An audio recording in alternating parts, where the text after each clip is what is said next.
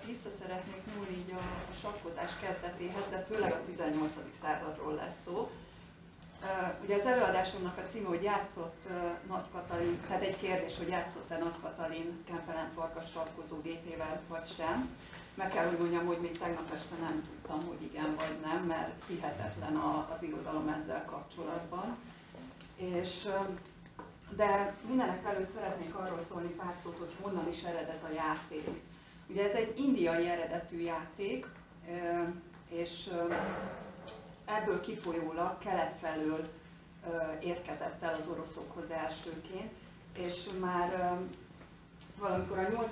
században feltűnt Perzsiában, aztán ahogy terjedt, vagy a 6. században Perzsiában, a 8. században már Kína, Szibéria egy részén is megjelent, utána a 11. században pedig már eljutott Japánba és Koreába is, és majd keleti közvetítéssel jut el nyugatra, méghozzá a muzulmánok térhódításával, és elsőként majd a spanyol királyság, illetve Itália területén tűnik fel, és egy teljesen másfajta sakjátékká alakul, mint ami az eredeti indiai játék volt.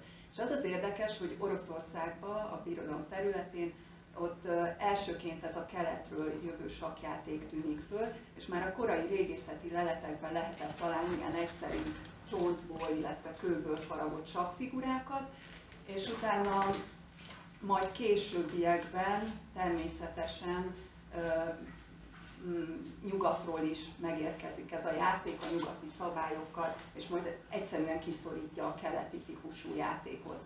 Egy érdekesség az, hogy hogy valamikor a 11-12. században tűnnek föl ezek az egyszerű sak figurák a, a leletek között, régészeti leletek között, és a 13. századtól már írásos forrásokban is megjelenik a játék, elsősorban egyházi szövegekben és tiltó jellegű szabályozást vonnak meg, sem a világi, sem az egyházi személyek számára nem, nem engedik, hogy sakkozzanak ez, ez még így a, a 15-16. században is vannak ilyen szövegek, a Domostroy, a, a száz cikkelyes zsinat is kitér a sakkozás tilalmára, tehát hogy ez így nagyon izgalmas. Ugyanakkor a sakk az így a királyok játéka volt, így az orosz uralkodók is nagyon szerettek sakkozni csak pár nevet mondok, mondjuk negyedik Iván vagy, vagy Boris Godunov, de a Romanov uralkodók is, és hogyha már a 18. századba átnyúlunk, akkor, akkor természetesen Nagy Péter is nagyon szeretett sakkozni, Katalin is, Nagy Katalin is, illetve még akik kiszoktak a 18. század második feléből emelni, az, az Patyonkin, aki állítólag egy remek sakjátékos volt. Az, hogy, hogy a társadalom szintjén kik játszanak, ez nagyon változó. Elsősorban ugye mondtam, hogy ez a királyok játéka, ez egy párbaj, a, a stratégiák játéka, tehát elsősorban a társadalom felső rétege az uralkodó, és mivel a nemesség az uralkodói példát követi, ezért a nemesség körében is ö, kedvelt játék, de vannak korszakok, amikor, amikor az alacsonyabb néprétegek is előszeretettel játszák, aztán valami új játék kerül be a, a, a figyelem körébe, és akkor kiszorítja a sakot, de azért többnyire az arisztokrácia, illetve az uralkodó osztály játéka volt.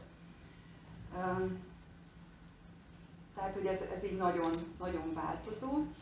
És akkor most így, hogy kicsit képbe kerültünk a, a sakkal kapcsolatban, akkor beszélnék arról, hogy Ugye a sakkozógép, ez Kempelen Farkasnak a találmánya. De nem ő volt az első, aki, aki gépet, automata gépet alkotott, hanem, hanem voltak rajta kívül mások is.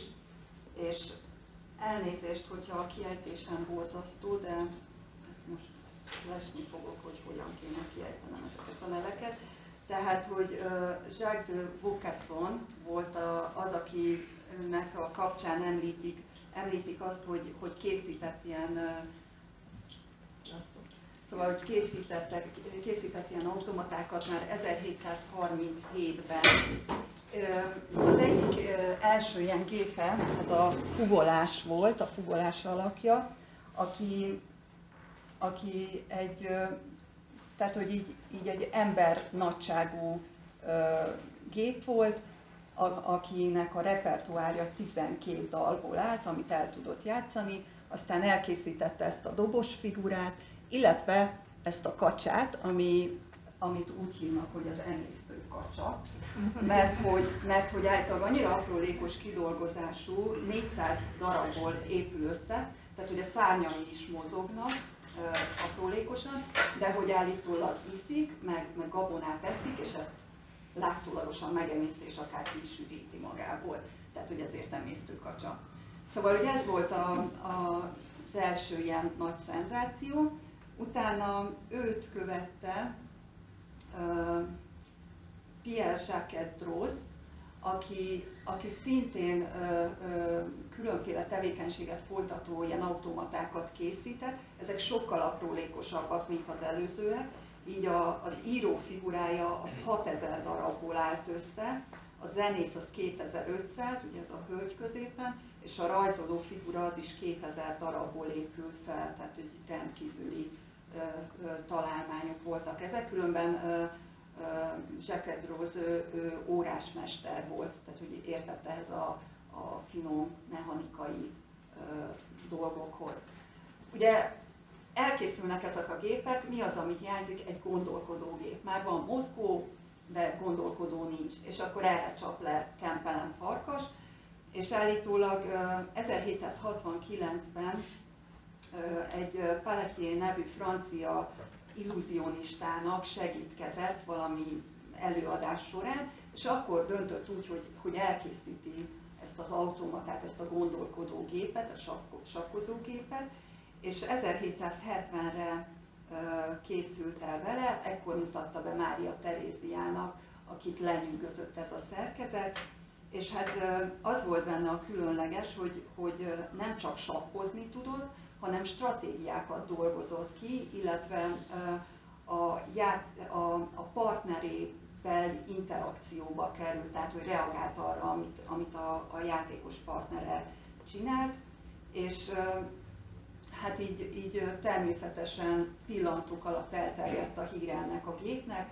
mindenki játszani akart vele, többnyire nyert a gép az ellenfelekkel szemben, azért volt, volt olyan, hogy veszített, de, de sorra hívták ki a, tehát a korszak nagy uralkodói, játszott nagy frigyes porosz uralkodóval, akkor uh, harmadik György angol királyt is legyőzte, akkor um, Benjamin Franklin, ugye, akkor, aki ekkor párizsi követként tevékeny, Amerika párizsi követeként tevékenykedett, de talán a leghíresebb ellenfele Napóleon volt, akit megvert, és állítólag ez annyira emlékezetes eset volt, hogy Napóleon megpróbált csalni ellene kétszer is, de nem sikerült, úgyhogy végül, végül állítólag a, a, a gép lesöpörte figurákat a, a tábláról, és ezzel lett vége a játéknak, de a gép nyert, mert Napóleon csalni próbált.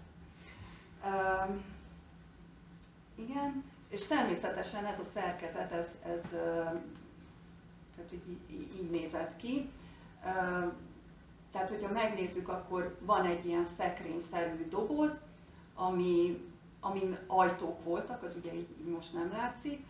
A bemutató az mindig úgy zajlott, hogy Kempelen farkas oda ment, kinyitotta ezeket az ajtókat, meg lehetett nézni a szerkezetet, ezt a mechanikát belülről. Egy gyertyát is beemeltek a, a szerkezetbe, hogy meg is világítsa, de ugye tényleg csak fogaskerekeket láttak és akkor emögött egy embernagyságú figura ült, egy, aki török viseletben volt öltöztetve. És akkor az a, ezen a szekrényen volt a saktábla, és a figura az egyik kezébe, most olyan, mintha egy pálcát tartana a jobbjába, de az egy pipa, és a baljával sakkozott. Hogyha, ha, hogy is volt, ha a királynak sakkot adott, akkor, ha jól emlékszem, kétszer bólintott, hogyha a királynőt támadta, akkor háromszor, és hogyha csaláson kapta az ellenfelét, akkor megrázta a fejét. Oh, Tehát, hogy nagyon, nagyon jellemes volt és önérzetes, hogy ezt nem hagyta. Katalin is hallott erről a szerkezetről, még talán annyit érdemes megemlíteni előjáróba, hogy 1781-ben, ha jól emlékszem, második József igen, az udvarba rendelte Kempelen farkast a géppel együtt, ugyanis illusztris vendégek érkeztek az udvarba, méghozzá az orosz trónörökös Pál nagy herceg és a felesége, és nekik mutatták be a szerkezetet. És Pálnak annyira tetszett, hogy, hogy azt javasolta, hogy induljon egy európai körút, ahol ezt a gépet bemutatják. És akkor itt jön az a része a történetnek, amitől zavarossá válik, mert egyes leírások szerint járt Oroszországba a gép, és megfordult Péterváron és Moszkvában is, más helyen viszont meg sem említik. A, történet állítólag, hogy Katalin játszott a géppel, az onnan ered, hogy egyrészt Katalinról tudjuk azt, hogy nagyon szeretett sakkozni. Amúgy ez, az ilyen, ilyen különleges dolgok különösen érdekelték, ugye a felvilágosodás korába járunk, rengeteg új találmány jelenik meg, ezek, ezek nagyon érdekelték őt, de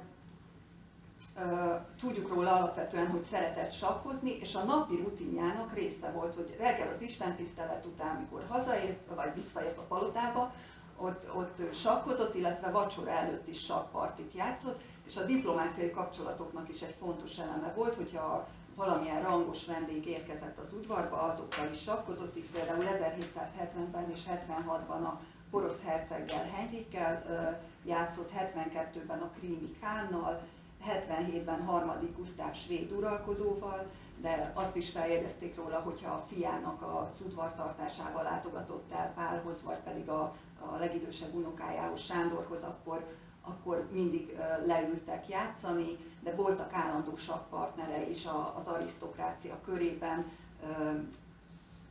nagy nevek, Alexandr Mihálylovics Golicin herceg, Vjazemski herceggel játszott, Csermisev gróffal. Ugye ezek a korszakban a nagy, tényleg a legnagyobb arisztokrata családok tagjai, Kirill Razumovszkijal, vagy, vagy Alexandr Szergejevi Stroganov gróffal, és az utóbbi Stroganov grófról azt is feljegyezték, hogy 1796-ban például a, a svéd uralkodó, akkor már negyedik Gusztáv uralkodót látogatására a birtokán élő sakjátékot játszottak, tehát emberek voltak a figurák, akikkel lehetett játszani. És ugye mondtam azt, hogy Patyonkin is nagy sakkos hírében állt, viszont Katalin soha nem játszott Patyonkinnal, ugyanis Katalin azt szerette, hogy ha bár ő jó sakjátékos volt, azért az ellenfelei figyelembe vették, hogy ő az uralkodó, ezt Patyonkin nem tette volna meg, és nem segítette volna hozzá ahhoz, hogy nyerjen, illetve az egyéb ellenfeleket korholhatta, hogyha esetleg veszített velük szembe, megmondhatta nekik a véleményüket. Patyonkin ennél érzékenyebb volt, őt nem akarta ezzel megsérteni, így nem játszottak soha. Igen, és akkor az, hogy miért gondoljuk azt, hogy játszott Kempelen farkas gépével, az különféle irodalmi alkotásokból adódik. 1859-ben megjelent Jean Robert Udinnek a, a visszaemlékezése, ő egy, hát egy órásmester volt, de bűvész illúzionista is, és a visszaemlékezésében szerepel egy történet, mely szerint Rigában 1776-ban kitört egy lengyel tisztek által vezetett felkelés, aminek az egyik vezető figurája volt egy Vorosinski, Voroszki, ez a történetektől függően változik ez a név, nevű lengyel tiszt, aki súlyosan megsebesült a harcok során, de még el tudott menekülni, és volt egy, egy Orlov nevű orvos ismerőse, aki bújtatta. És Kempelen Farkas is ismerte ezt az orvost, épp nála tartózkodott, így megismerkedett ezzel a lengyel tisztel, aki kiváló sakjátékos volt, és ugye mondtam azt, hogy megsérült, sajnos a sérülései olyan súlyosak voltak, hogy amputálni kellett a lábait, de viszont el kellett volna hagyni a, a birodalom területét, így Kempelen Farkas a történet szerint 1776-ban megépítette ezt a gépet, hogy ebben mint egy ilyen, hát végülis egy trójai falu, hogy kimenekítsék onnan ezt a lengyel tisztet. És persze, ahogy mentek az útvonal mentén, mindenhol játszottak, játszhat, játszhattak az emberek a géppel, így megint csak óriási hírverés kerekedett körülötte, a Katalinnak is a fülébe jutott, és Katalin az udvarba rendelte a gépet, mert játszani akart vele. És ez a játék ez úgy zajlott le, nagyon röviden elmondva, hogy Katalin megpróbált csalni, a gép kiakadt rajta, mert ugye egy ember ül benne, aki ráadásul szemben áll az orosz hatalommal, és amikor többször is csaláson érte Katalint, akkor ideges lett és lesöpörte a, a bábukat. Ott a történetben megfagy a levegő, és végül is Katalin majd elkezd kacagni ezen, és így végül is megmenekül mind a lengyel tíz, mind Kempelen farkasa attól, hogy, hogy bármi bajuk essen. Katalin megpróbálja megvásárolni a gépet, mert neki ezt kell. Far, Kempelen Farkas viszont nem adja el, hiszen ő szükséges az üzemeltetéshez, és végül is Katalin elengedi őket, tehát ilyen happy end zárul a történet.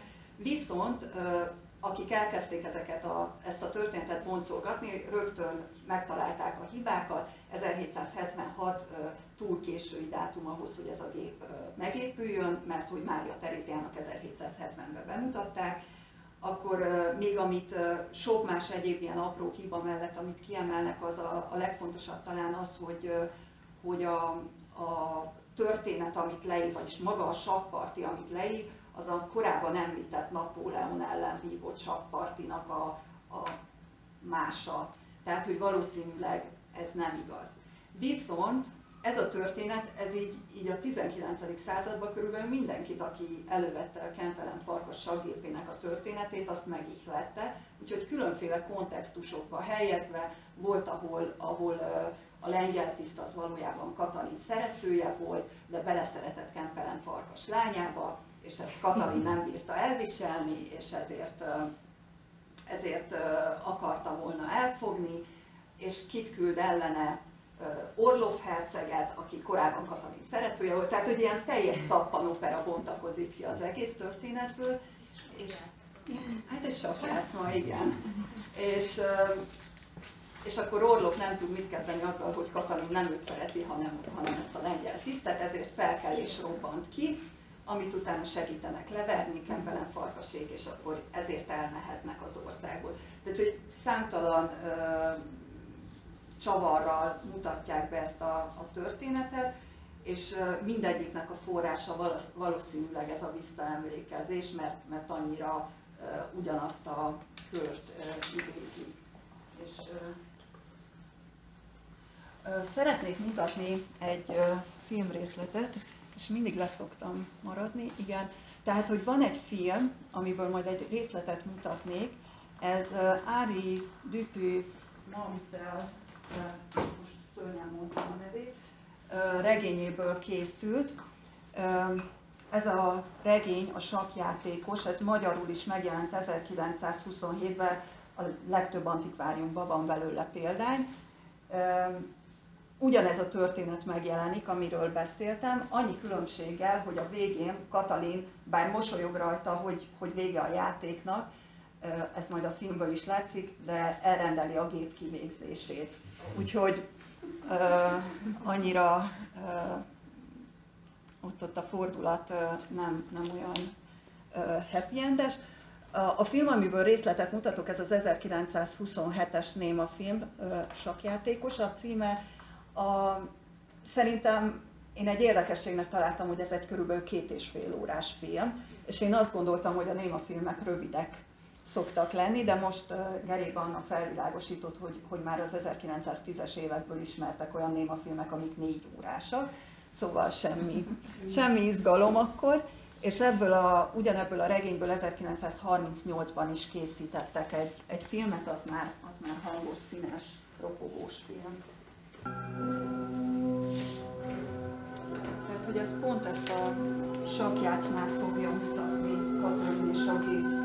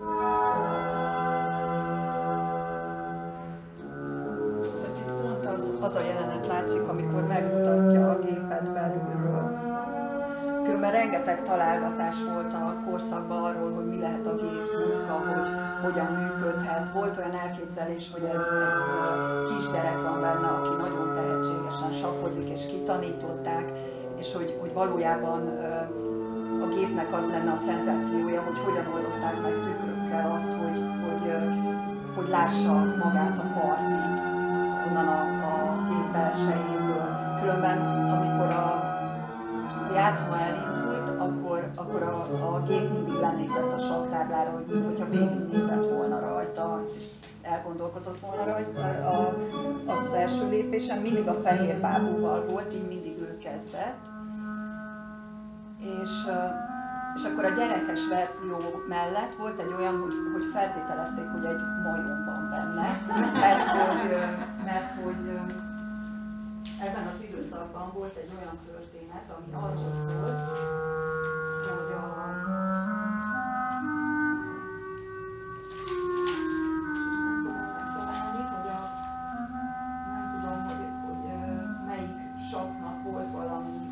majma, ami be volt tanítva és tudott sakkozni, és ezért azt gondolták, hogy sok ilyen majom lehet. Illetve talán, ha talán még egy ilyen történet az, amikor azt gondolják, hogy egy törpe van a gépben, ugye erről, erről regények is vannak.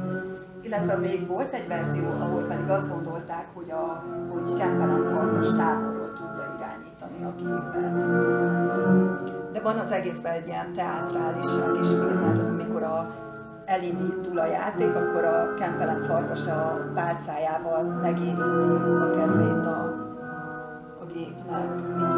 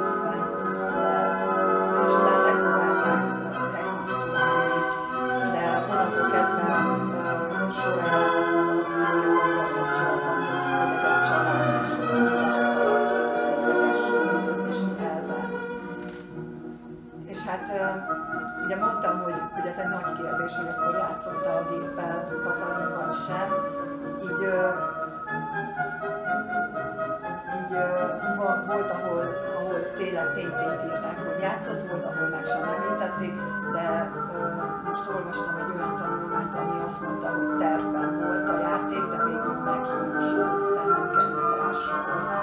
Viszont ezeknek az irodalmi alkotásoknak köszönhetően egy ilyen legenda épült az egész történet köré. És hát Katalin azt elmondta, illetve leírta az egyik művében, hogy, hogy annak nem volt híve, hogyha valaki már uralkodó életébe szórót emeltek, és, és egy legendát építettek köré, mondjuk azért meg kell jegyezni,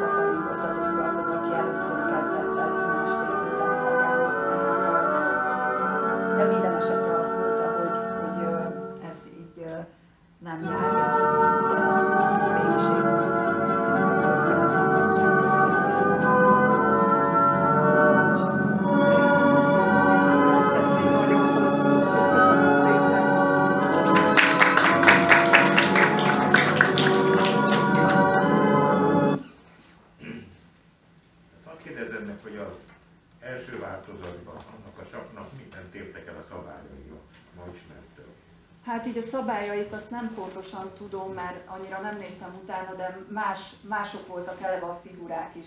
Nem tudom, hogy Tehát, hogy például királynő nem volt benne, hanem volt elefánt, meg volt, volt valami harckocsi, tehát hogy más funkciójú figurák voltak, azt nem tudom, hogy hogyan lépett. És azt ha még egy, egy fél pillanatot kaphatok, hogy, hogy különben Katalin ö, ö, egy olyan sakkot szeretett játszani, amit állítólag egy tulai mester készített neki, és ö, úgy volt, hogy, hogy a tábla nem ez a 8x8 kockás tábla volt, hanem azt hiszem 192 kockából állt, és 80 bábú volt a táblán, négyen játszották, és ketten-ketten voltak párba, és úgy mint egy ilyen csapat játszottak és állítólag ez a sakk, ez, ez az elmításban megtekinthető, tehát hogy ez tényleg létezik, és nem legenda. Én, én egyébként egyszer láttam egy ilyen Kempelen parkos sakkgépet egy múzeumban, és szerintem ezt a Magyarországon is egy, hát nem tudom, még nagyjából ilyen tíz évvel ezelőtt volt egy vándorkiállítás, ahol ezt a gépet. A műcsarnokban volt. Műcsarnokban volt, de én, én emlékszem, hogy Németországban láttam, Kászlójában ott van egy ilyen egy média művészet múzeum, és majd nem emlékszem pontosan, hogy tehát én úgy emlékszem, hogy ez nem egy magyar kiállítás volt, de tudom, hogy on, ott, tehát ott volt ez a gép.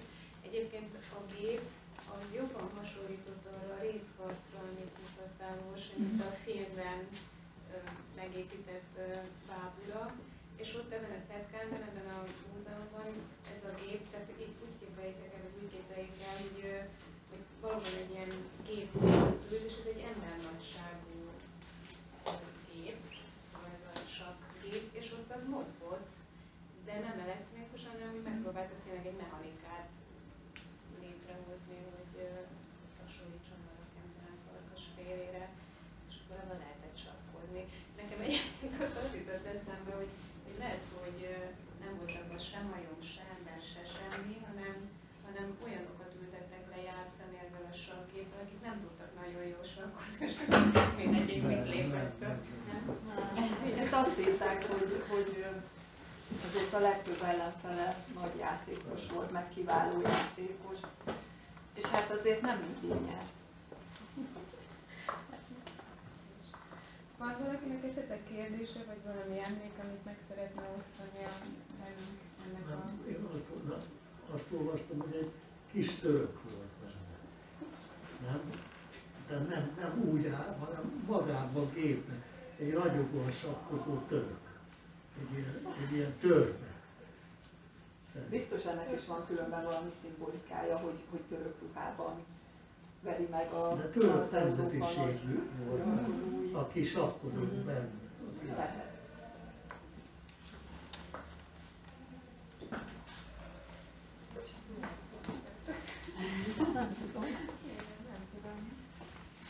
a ebben az időszakban azért az európai uralkodók mind, mind harcoltak a törzsékkel. Nem tudom, hogy van-e ilyen jellegű szimbolika benne.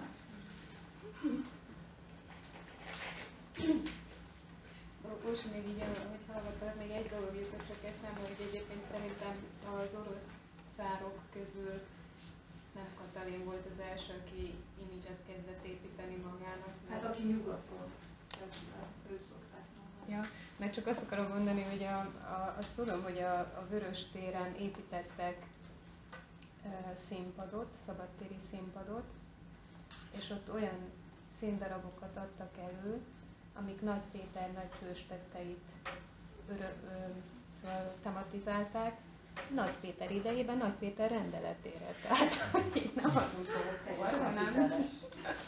Igen, igen.